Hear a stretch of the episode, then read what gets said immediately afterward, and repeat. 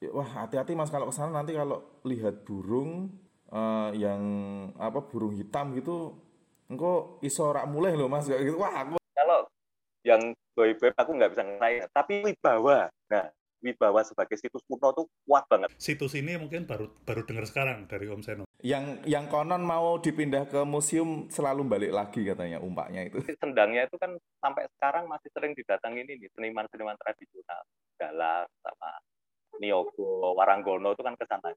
Kala berkahnya kan ke situ. Eksplorasi arkeologis di tempat ini sebenarnya di situs ini sangat, belum, bung. belum belum rampung. Sangat, ya? Bung. Itu butuh luas sekali dan itu bisa dibayangkan itu kayak keraton Yogyakarta tapi sudah benar-benar hilang. Sampai sekarang pun kalau dengar namanya dalam sejarah tuh saya sampai oh no ya wong kong ini sampai yaitu paling kejam dalam sejarah yaitu fakta ya.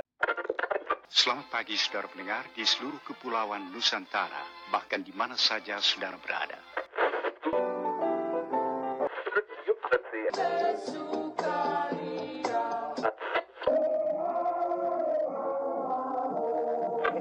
Malam main ceki mabuk brandy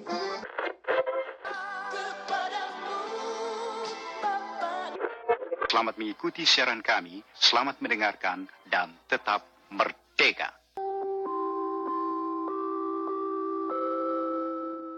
Assalamualaikum warahmatullahi wabarakatuh. Bertemu lagi di Maklar Cerita bersama saya dan Bung Yogi Fajri. Tapi kali ini kita kedatangan tamu. Kita oh, dia orang tahu ya Bung. Ketekan tamu kita orang tahu ya. Oh baru ini. Baru, baru ini, ini ya. Wah ini jauh-jauh. Jauh-jauh dari selatan ini kawan lama saya. Wah ini kawan lama, lama sekali lah. Mungkin teman-teman mengenalnya sebagai komika, tapi saya berteman dengan beliau ini sebelum jadi komika. Jadi oh. jauh sebelum itu sudah sudah nongkrong bersama di salah satu coffee shop di Jogja yang sudah almarhum. Waduh. itu udah coffee shopnya yang jadi stiker itu. yang jadi stiker ya jadi stiker jadi uh, ini kita kedatangan tamu Om Seno apa kabar Om Seno ya. baik Baik Mas, kantor sama Mas Yogi. Halo Seno, salam kenal. salam kenal Mas Yogi. Wah, ini... Nama baru ya Mas ya Om Seno ya. Ah, suwe tenan yo, dhewe ra, ra ketemu ya, ra pedok ya, suwe tenan. Ya. Terakhir mungkin ngajak jazz apa ya ketemu kalau nggak salah ya. Ya, kalau nggak salah ngayok jazz ya. Oke. Okay. Oke. Okay. Ya, dan uh, Om Seno ini sebetulnya kalau dilihat-lihat sebenarnya ini apa namanya uh, seniman serba bisa, KBKB iso, oh. serba bisa. Jadi guru renang iso, jadi ngajar digital marketing ya iso. Wes pokoknya komplit tuh, komplit jerit tuh. Komedian oh, juga bisa, MC juga bisa, pokoknya komplit lah, komplit jerit. Jadi sebelum dulu itu, jadi sebelum uh, teman-teman stand up komedi itu uh, rame, Om Seno ini udah stand up ke mana-mana sebenarnya. Oh. Jadi se sebelum ada komunitas stand up pun itu sebelum komunitas stand upnya itu ada, Om Seno itu udah stand up zaman segitu. Oh sih. Jangan-jangan ini anu pelipur lara istana ini. bukan mas, bukan. Beda circle, beda circle. Beda, beda circle, beda circle. Tapi akhir-akhir ini itu melalui sosial media yang kita berhubungan selama ini lewat Instagram dan Facebook, itu saya melihat bahwa Om Seno ini sedang uh, meniti langkah untuk menjadi sarkup, menjadi sarjana kuburan. Oh, Karena mulai banyak mengunjungi kuburan-kuburan. Nah ini mungkin uh, B uh, Om Seno mungkin bisa diceritain kok marani kuburan-kuburan ini ada alasan apa sebenarnya? Eh, perlu diluruskan dulu nih mas buat sarkupnya cara kuburan. kalau kalau istilahnya kalau sarjana kuburan tuh aku juga baru tahu ternyata istilah itu dari Mas Gatot ke sarkup. Ternyata di, di, di Jogja juga juga ada selentingan tuh orang yang terus dijuluki sarjana kuburan mungkin karena kegiatannya mengunjungi makam ya. Iya, iya, iya di makam. Kalau hmm. kalau aku kan sebenarnya nggak hanya makam sih, petilasan, petilasan. Oke. Okay. Oh. Nah, jadi bisa aja cuma kadang-kadang ada kalau petilasan dari uh, apa namanya? Aduh, ini namanya uh, lali aku tokoh. Ada yang cuma dulu tempat duduk gitu udah jadi petilasan, enggak hanya makam. Hmm, yeah. uh, uh, anu ya, kayak Watu Gilang gitu ya Mas ya. Tempat Ah, duduk. ya. Nah, wis apa tokoh Rawatu Gilang ini nganti lali ya, sama?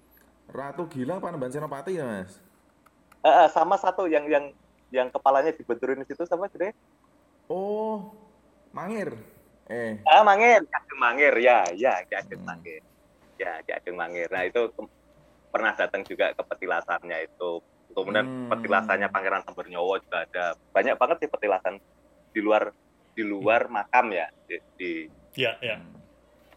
tapi ada bisa juga yang mengunjungi ini juga tuh Mas. Gudeg Apa? Manggar. Gudeg Manggar katanya kan khas Mangir katanya. Oh iya ya. Oh, Eh, guyon-guyon Mas. eh gudeg manggar ki sing saka wah malah yang dari itu ya. Dari malah ngomongin kuliner. Ora apa-apa. dari apa jadi eh pisang apa ya? Iya, Kalau nggak salah. Konon- dari kelapa, kelapa Mas, kelapa. Ya ya. Hmm, kok konon kan memang itu memang beda gitu loh. Makanannya Ya. pemberontak. Monggo Mas, Ada lanjut, Mas. Aku Mas, Ah, Mas. ada memang ada hubungannya Mas itu Mas. Antara Ki Ageng Oke. Mangir terus, terus terutama sejarah Bantul ya. Bahkan Ya, nama iya. Bantul nama Bantul pun ter- ternyata dari sejarahnya Ki Ageng Mangir juga ternyata. Nah, nah Hmm. kalau balik lagi Mas ya tadi petilasan nah kepentingannya apa pertama sebenarnya kepentingannya yaitu buat konten Mas. Oh, di era-era seperti ini ya, jadi cuma kita membuat konten. tuh. kayak kayak kayak orang mutu banget ya buat konten buat konten Lo mutu mas, mutu. Hmm. buat channel YouTube namanya Piknik Petilasan. Hmm. Jadi kita jadi kita ngumpulin dulu banyak video. Eh, channelnya sendiri belum belum dibuat, belum ada, belum diupload sama sekali. Jadi belum ada. belum video rilis ya, belum rilis. Jadi kita ngumpulin dulu banyak video. Oke. Awalnya aku juga nggak menyangka kok bisa bisa seneng gitu masuk dunia petilasan kayak gitu. Tapi ternyata mengasihkan mas, ternyata mengasihkan. Hmm. sesuatu yang apa ya nggak bisa dijelaskan sih tapi tapi oh, ternyata bahkan masuk makam-makam kuno itu jadi sebuah kegiatan yang mengasihkan Eh, Hmm. bahkan sekarang kalau suruh milih saya makam atau mall tuh mungkin makam. Wah, itu medeni, medeni. Eh, Oke, Ya. kalau dari sekian banyak mungkin ya, kalau dalam membuat konten ini kan berarti kan eh, kan nabung sih kan, jadi ada beberapa petilasan lah ya. atau makam gitu. Nah, petilasan. so far eh, yang menurut Om Seno paling berkesan yang sudah pernah dikunjungi itu yang mana? kalau sebenarnya semuanya berkesan yang tapi yang paling ya kalau paling itu makam Pratu Malang sama makam Banyu Tumuruk Pak itu semuanya Oke. ada di daerah Bantul semuanya ada di daerah Bantul Oke. satunya di Red satunya di agak tinggi lagi di Ketimau Giritan Turun. oke. Hmm, Oke. Ya ya ya ya ya. Ratu Oke, Malang yang itu Rat- yang di atas Ratu bukit Malang. itu ya Mas ya? ya kalau Ratu Malang akan eh, di atas bukit kalau Banyu Tumuruk ada Oh. di sebuah lembah setelah setelah sering datang ke petilasan sering jadi tahu bahwa memang orang-orang yang berkuasa atau merasa dirinya berkuasa itu terus pasti selalu nyari makam di tempat yang tinggi. Ya ya. Tapi kalau Hmm. kalau orang-orang yang dihinakan atau dia dianggap hina, dianggap pemberontak itu memang di, dicarikan makam di daerah lembah di bawah. Hmm. Hmm. Jadi kalau pasti pasti kalau raja kemudian orang-orang yang dianggap eh, aulia gitu kan biasanya di di bukit pasti gunung bukit. Hmm, hmm, hmm. Hmm. Dan- Hmm, hmm. Ya ini ada cerita yang menarik tentang Banyu itu salah satu-satunya makam makam kuno yang berhubungan dengan sejarah Mataram tapi di di lembah di bawah. Hmm. Jadi dua-duanya memang sama-sama menarik. Itu yang Ratu Malang itu anu Bung Gatot dekatnya Keraton Pleret itu Bung. Ya, Oh, benar, benar. salah satu reruntuhan keraton apa ya kompleks. Kita bisa membayangkan semacam Yog, kota Yogyakarta di masa lampau yang dengan kanal dengan ada pesanggerahan dan ada tembok banteng yang mengelilingi tapi itu semua sirna gitu. Itu reruntuhannya kelihatan menarik itu kayak tapi kalau kita ke sana nggak nggak ada bacaan ya memang ini memang ya apa? Ya nggak menarik, ya. ceritaannya? Ha, nggak nggak nggak menarik kayak gitu. Reruntuhan masjid gede kayak gitu. Tapi ya menarik tuh mas. Saya waktu ke sana ini mas nyusuri penasaran karena ada temen yang sedang kajian arkeolog di situ temen UGM benteng keratonnya itu mas itu dan itu digambarkan kalau mau ekskavasi itu wah luar biasa itu luasannya tuh Banget ya, Mas. Ya? Heeh, itu apa eh, dan pas meh ning Ratu Malang itu kan kebetulan saya sendirian mas kalau ke sana itu sen- seringnya sendirian. itu posisi dah sore pas ke sana di ngomongin sama orang "Ya, wah hati-hati mas kalau ke sana nanti kalau lihat burung eh, yang apa burung hitam gitu engko iso rak mulai loh mas kayak gitu wah aku wis diceritani ngono wah aku wis Ra sido. aku level keberanianku ki yo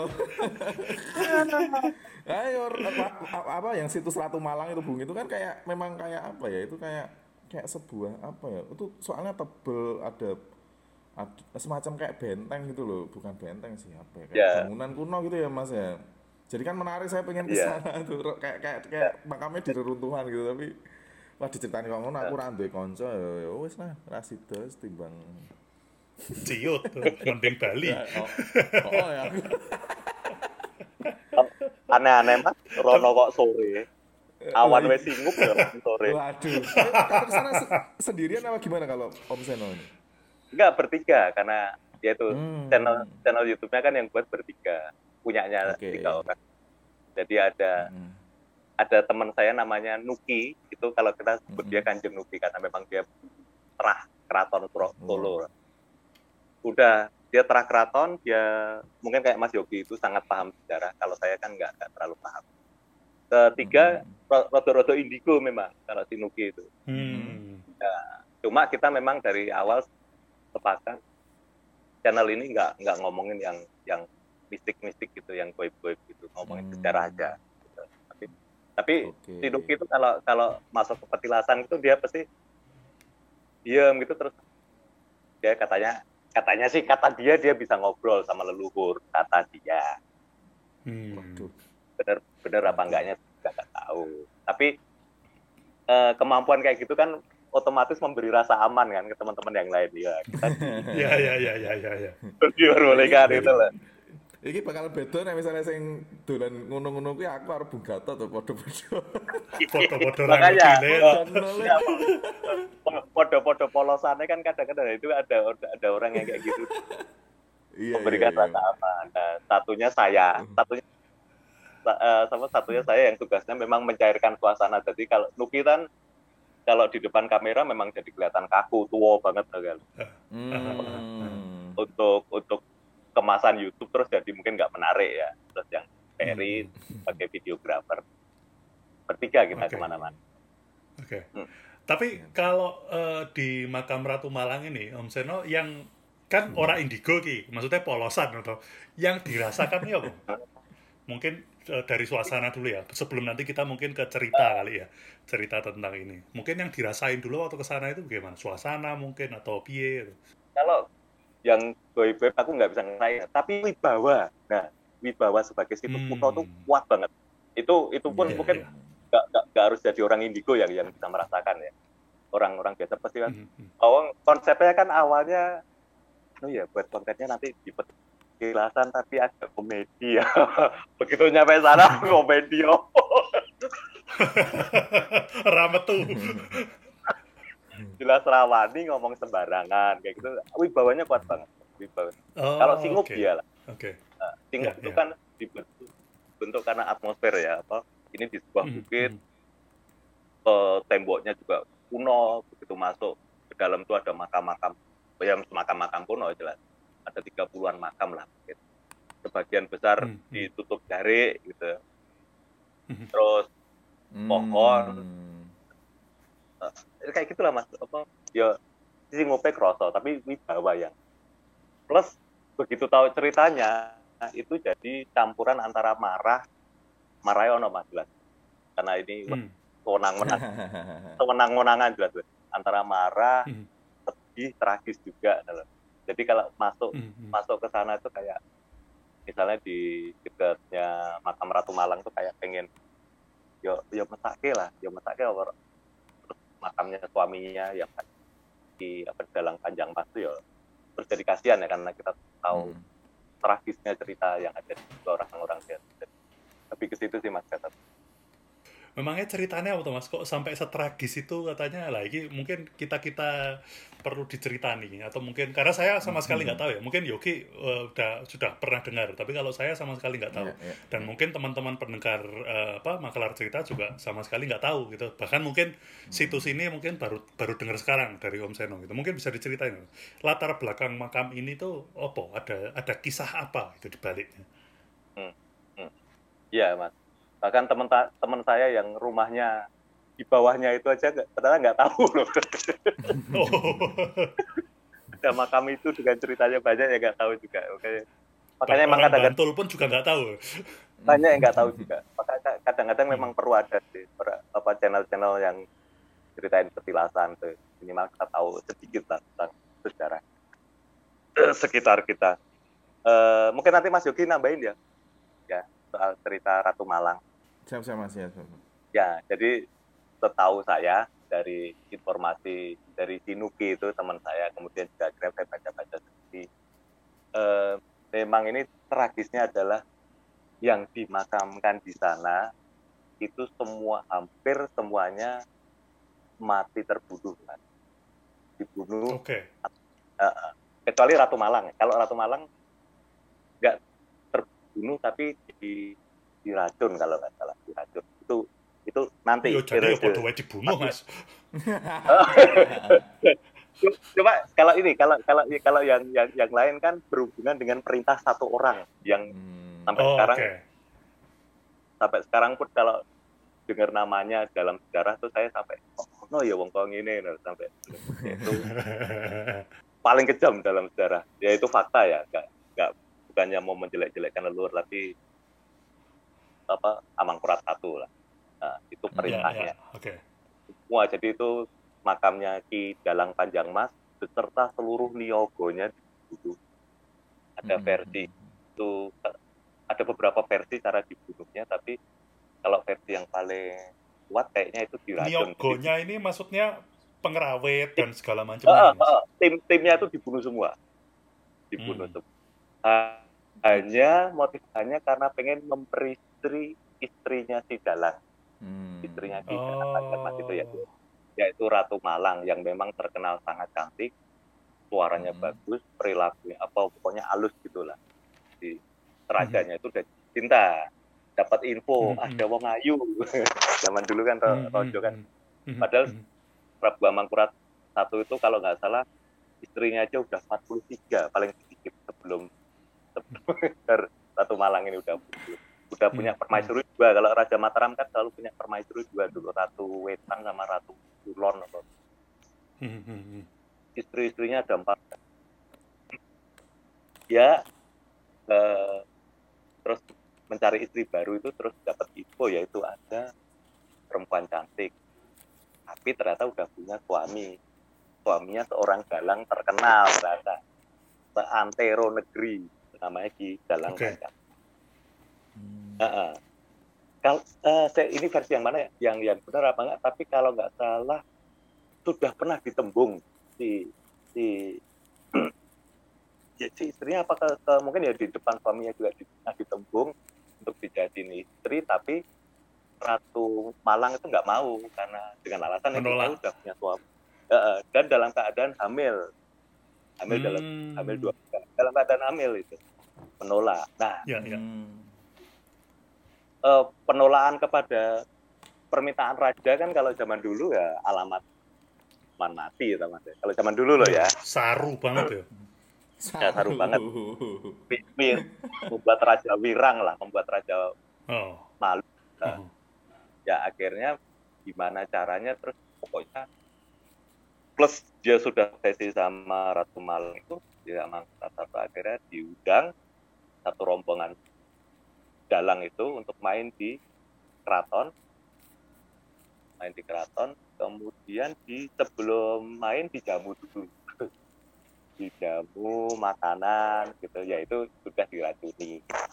Oh. tapi eh, tapi meninggalnya kalau nggak salah itu tidak langsung di situ mas. Jadi besoknya besoknya besoknya lagi.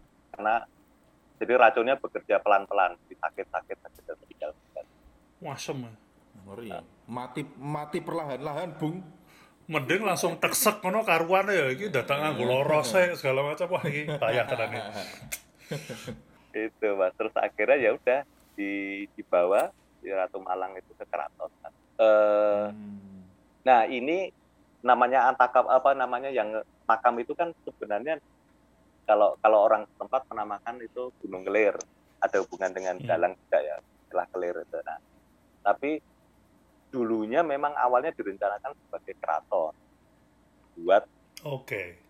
Am- Amangkurat satu awalnya bukan buat makam Di- direncanakan buat keraton. Tapi ya itu karena ada tragedi itu terus eh, entah kenapa yang romantis Dalang sama Niogo itu akhirnya dimakamkan di situ juga di Hmm. bukit itu plus menyusul berapa tahun kemudian akhirnya Ratu Malang juga dimakamkan di situ Hmm. dekat suami nggak deket banget sih tapi pokoknya satu kompleks sama suaminya Hmm. karena Hmm. permintaan terakhir katanya seperti itu Dan itu Cuma- dikabulkan ya, Mas ya.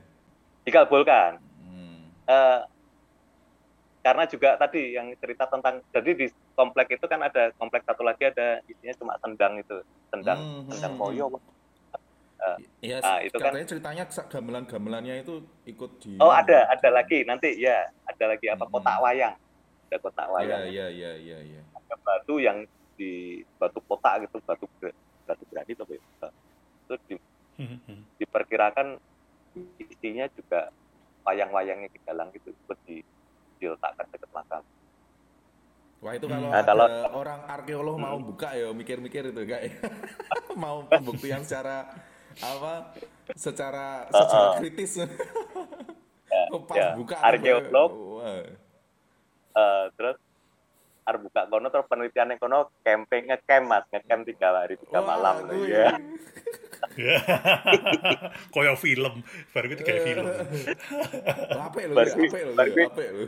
baru kuwi hilang siji siji wah kalaupun tidak kalaupun tidak hilang satu-satu menjadi gila. Wih, amit amit amit amit amit amit amit amit wah iki ra ra ra oleh guyonan lho iki lho. tapi Oh, peziarah yang peziarah yang tidur tidur di sana juga banyak loh Oke. Ya, Wah, orang-. Eh, orang-orang yang nyari apa lah ya minta apa Oh. Ya, ya, ya. Hmm. yang jelas kalau kalau Tadi ke wak- sendang itu eh, halo Eh, tadi aku baru baru mau bertanya tentang sendang ini. Tadi kan Hmm. eh, waktu offline Om Seno sempat cerita kan tentang masalah sendang ini tentang yang katanya mau dikubur di situ terus Ya, di ya. apa digali tapi jadi ada sendangnya apa apa piye Mas aku ya, ya. Eh, ya sebenarnya rencananya Rat- Ratu Malang kan mau dikubur di situ di sendang itu tapi setiap Hmm. digali keluar air terus keluar air terus kalau orang Jawa mungkin pertanda ini alam nggak merestui Ratu Malang di situ jadi merestuinya Ratu Malang dimakamkan dekat suaminya di komplek yang satunya. Hmm. karena permintaan terakhirnya kan itu memang. Hmm, aku pengen dikubur sebenarnya kalau Ratu Malang itu walaupun sudah diperistri eh, sama Amangkurat satu ya cinta sejatinya sama si itu. Dalang di dalam sama sama, sama Kidalang ini kan. ya nggak nggak pernah. Oh ya, seperti itulah terus eh, itu terus kalau apa namanya tadi sendangnya itu kan sampai sekarang masih sering didatangi ini seniman-seniman tradisional dalang sama Hmm. Niogo, Waranggono itu kan ke sana. Ngalah berkahnya kan ke situ. Pada pada mandi Hmm. malam-malam. Kalau aku ya wega. komedian, Masuk angin.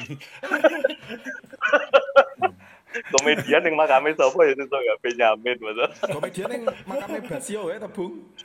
Ah, iya iya benar benar. Ah, itu. Makam. Eh, Makame dia tuh kalau nggak salah di kota kok juga.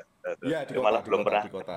nah, di, di, di, di Jogjanya ya. Nah, Aku malah belum ke sana itu, eh, menjadi Ya, pelipur lara istana nanti. Jangan-jangan aku mungkin nang sendang aku nang sendang iki ya nek kudu lho soalnya kan musisi ya Oh, jadi musisi, rada- musisi. rada masuk ya. Mas Gatot kudu ning makame Cik Korea. Oh, Ciko. oh iya. Oke, ada tambahan mungkin Bung Yogi? Eh, ka- kalau aku dari ya tadi ya ceritaan-ceritaan tadi apa soal eh, bangunannya sendiri itu aku juga sempat bertanya-tanya sih apa ya itu tadi yang katanya dipersiapkan sebagai keraton karena kalau tapi kalau dari fakta sejarahnya memang di situ memang keraton itu kan adalah keraton yang dipersiapkan oleh ayah ayah ayahanda dari Amangkurat satu ini kan Sultan Agung, Bung. Sultan Ya, Agung ya, Agung. Krowati yang kemarin di Ya. apa wingi ono gawe tam intermezzo dikit ya kemarin Hanyok Krowati dipakai buat nama Fir'aun Bung. Ada yang nulis artikel di salah satu media online terkenal di Indonesia ngawur itu. Fir'aun hanya Kroati bahas sejak Timur ngawur we. oke balik lagi ke apa eh, ini Amangkurat satu ini Itu jangan-jangan Pak Sabto itu. Bapak Sabto itu kadernya Pak Sabto. Ya, tapi itu kan anu apa keraton pleret ya Bung ya memang dipersiapkan oleh Sultan Agung mem- memindahkan dari dari eh, dari kota gede dia mempersiapkan sebuah eh, tempat baru di Pleret, Keraton Pleret dan sayangnya memang jejaknya sekarang memang sudah sulit untuk dicari kayak gitu ya. Ya menurutku salah satu eh, bangunan yang lumayan untuk dilihat eh, sisa itu ya justru makam Resi Ratu Malang ini dengan tembok yang sebegitu tebal kayak gitu kan. Itu memperlihatkan sebuah kualitas bangunan di kompleks Keraton Pleret yang oh, untuk menunjukkan kebesaran Mataram ya itu apa dindingnya setebal Berwibawa itu. tadi ya, yang seperti Om Ah, bilang ah. tadi ya. Benar dan eh, Keraton Pleret sendiri ini eh, apa eh, kan sayangnya memang sudah tidak ada bekasnya karena dulu zaman perang Diponegoro Diponegoro menjadikan itu basis. Menjadikan itu basis dan digempur habis-habisan oleh Belanda pada saat itu yang konon di catatan eh, ada seorang prajurit namanya eh, orang prajurit eh, Perancis namanya Erembaut itu dia menggambarkan keraton Pleret itu tinggi dindingnya aja bentengnya yang mengelilingi itu 7 meter bung Hmm, hmm, hmm. 7 meter tingginya dan saat, saat gempur Pangeran Diponegoro di situ tuh apa butuh lama sekali lah kayak gitulah untuk eh, meriam-meriam ini untuk menghanc apa apa ya mem- menj- mencarikan akses jalan gitu kan di- digempur kan itu kan. Itu dan lepas dari pak apa perang Diponegoro hancur lebur itu terus konon ada dulu ada eh, pabrik gula pabrik gula peleret kedaton. Itu yang kemudian pada saat eh, apa ya kelas kelas kedua itu di bumi hanguskan oleh para pemuda dihancurkan karena taktik bumi hangus. Itu material-materialnya menggunakan sisaan-sisaan dari keraton Pleret. Jadi ya secara apa yang di bagian bawahnya bagian keraton itu udah hampir nggak tersisa. Justru di makam Ratu Malang ini malah yang reruntuhan tembok itu terlihat atau apa bagian apa bangunan dari kerat, keraton Pleret itu masih terlihat kayak gitu.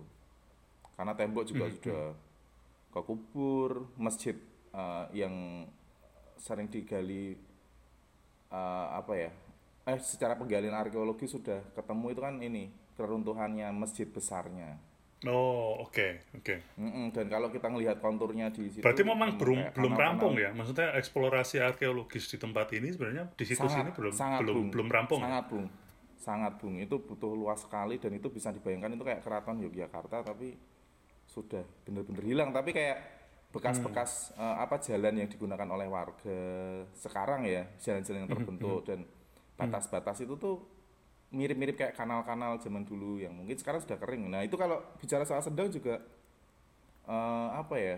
Ya mungkin itu eh, eh, ini apa eh, memang banyak sumber-sumber air di situ yang kemudian bisa mem- membuat eh uh, kedaton itu kan dulu kan kayak banyak jaringan kanal kayak gitu loh bung. Itu kan pasti butuh sebuah sumber air yang banyak ya kayak gitu Ya, ya, ya, ya. Itu sih. Ya itu aku sebenarnya pengen ke sana cuman ah gue urung ono kancane urung adi ya nanti next mungkin kalau berarti next kalau ke Jogja mau nyamperin ini ngajak Om Seno. Oh siap siap. Oh, oh, oh. ya pik anu aja. Piknik piknik petilasan aja kita anu ya.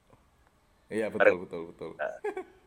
Loh Mas Yogi pernah ke ini belum? Keraton Kerto? Kerto ya. Kerto uh, itu di anu ya apa namanya? Yang di ya dekat Pleret. Tawang ya. Oh iya, iya. Nah itu situs Kerto itu. Yang Nah itu yang, yang itu yang saya ya saya yang saya maksudkan itu, Bung. Oh iya, iya. Uh, itu kan itu situs-situs Kerto itu. Anu Mas, kan Kerto, kan... Kerto Kerto dulu baru Pleret. Apa namanya? Itu kan kalau Kerto kan keratonnya Sultan Agung. Hmm, oh gitu. Mm -hmm. Mm -hmm. Kalau Pleret itu kan memang dipindah sama Amangkurat.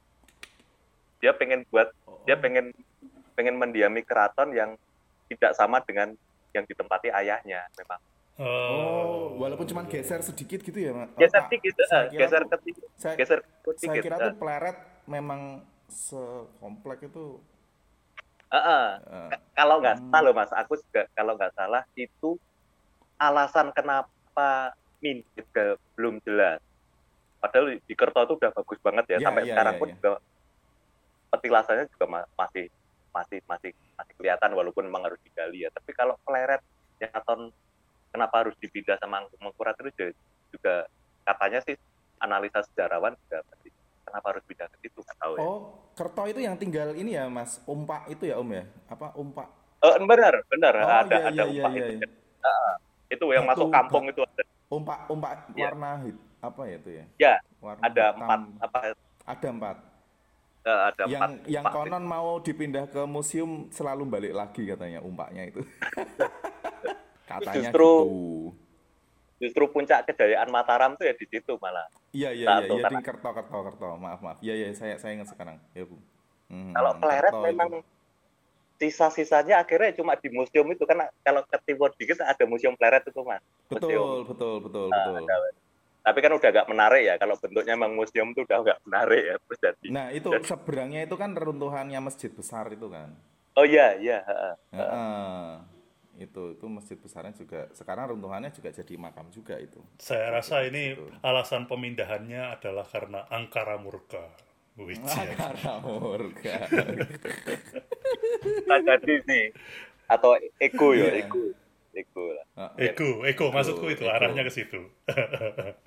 Dan itu memang Amangkurat satu kan ini ya terkenal beda jauh sama sosok ayahnya ya yang hmm, sebagai hmm. pengelak Jawa dan pelindung. Ya itu mungkin didasari juga ini Mas apa kan dia juga sebelum uh, melakukan uh, banyak salah satu yang uh, terkenal itu kan yang dia membantai ulama-ulama itu dan pembisik-pembisiknya dia di keraton itu iya yang sampai hmm. konon kanal-kanal itu banjir darah itu di pleret itu cuma Wah, okay. ya itu mungkin ka karena didasari ini juga bisa jadi itu eh, bunga apa uh, kalau semakin besar kekuasaan kan semakin kadang-kadang kalau pemimpinnya nggak terlalu kuat kan takut ini ya ada suksesi nanti takut apa kayak gitu itu kan sepertinya Amangkurat satu itu karena kebesaran ayahnya itu dia jadi sebagai pewaris tahta kayak insecure gitu dia hmm. dari mana kayak gitu ya ya ya ya bisa ya, ya dibayangkan ya, ya, setelah ya. iya setelah uh, beberapa penerus-penerus apa ya kerajaan-kerajaan sebelumnya Mataram ini yang bisa sampai kekuasaan bisa sampai ke uh, hampir belambangan dan menguasai Madura itu uh, sebuah pencapaian hmm. bagi hmm. kerajaan Jawa yang di masa itu yang luar biasa kan dan ya. pasti diiringi ya, dengan ancaman-ancaman. Ya ya ya ya. Yang besar juga. Gila ya. Nah, kemudian ini tindak tanduk raja ini kemudian men, apa ya bertanggung jawab terhadap pemberontakan-pemberontakan setelahnya kayak gitu. Purnojoyo mm -hmm. mm -hmm. yang bisa memperontakan. Ya kayak gitulah. Nah, Panjang ini memang ceritanya. Uh, teman teman-teman bisa mencari sumber-sumber lain untuk mempelajari tentang topik ini. Harapannya ini bisa men-trigger teman-teman. Tapi salah Betul. satu yang penting untuk digarisbawahi teman-teman bahwa uh, penting sekali untuk memanage uh, insecure rasa insecure kalian karena salah-salah kalian jadi orang yang insecure tuh kalian bisa berubah menjadi orang yang lalim seperti Amangkurat Nah. satu Iya betul. Dan mencelakai orang lain. dan mencelakai orang lain. Oke, eh, Om Seno, Ya.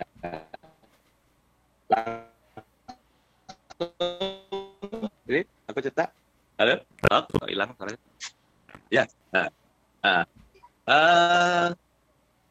setauku ya mungkin akan aku aku kan juga eh, dapat informasi dari Nuki atau terus kemudian baca-baca sendiri setauku.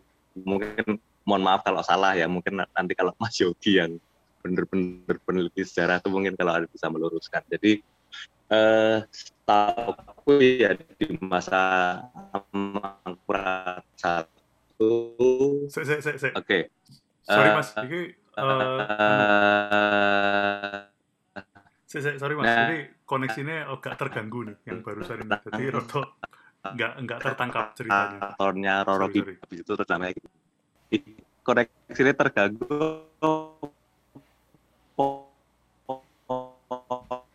ono sing ra gelem diceritake ya lho Waduh, aku merinding ya Ki. Aku merinding. Suaranya mati ini ya tadi ya, Bung. wong mau lancar Ora la- le ora lancar suaranya tadi ini ya. Ada yang salah ini, seluruh seluruh. lah wong mau lancar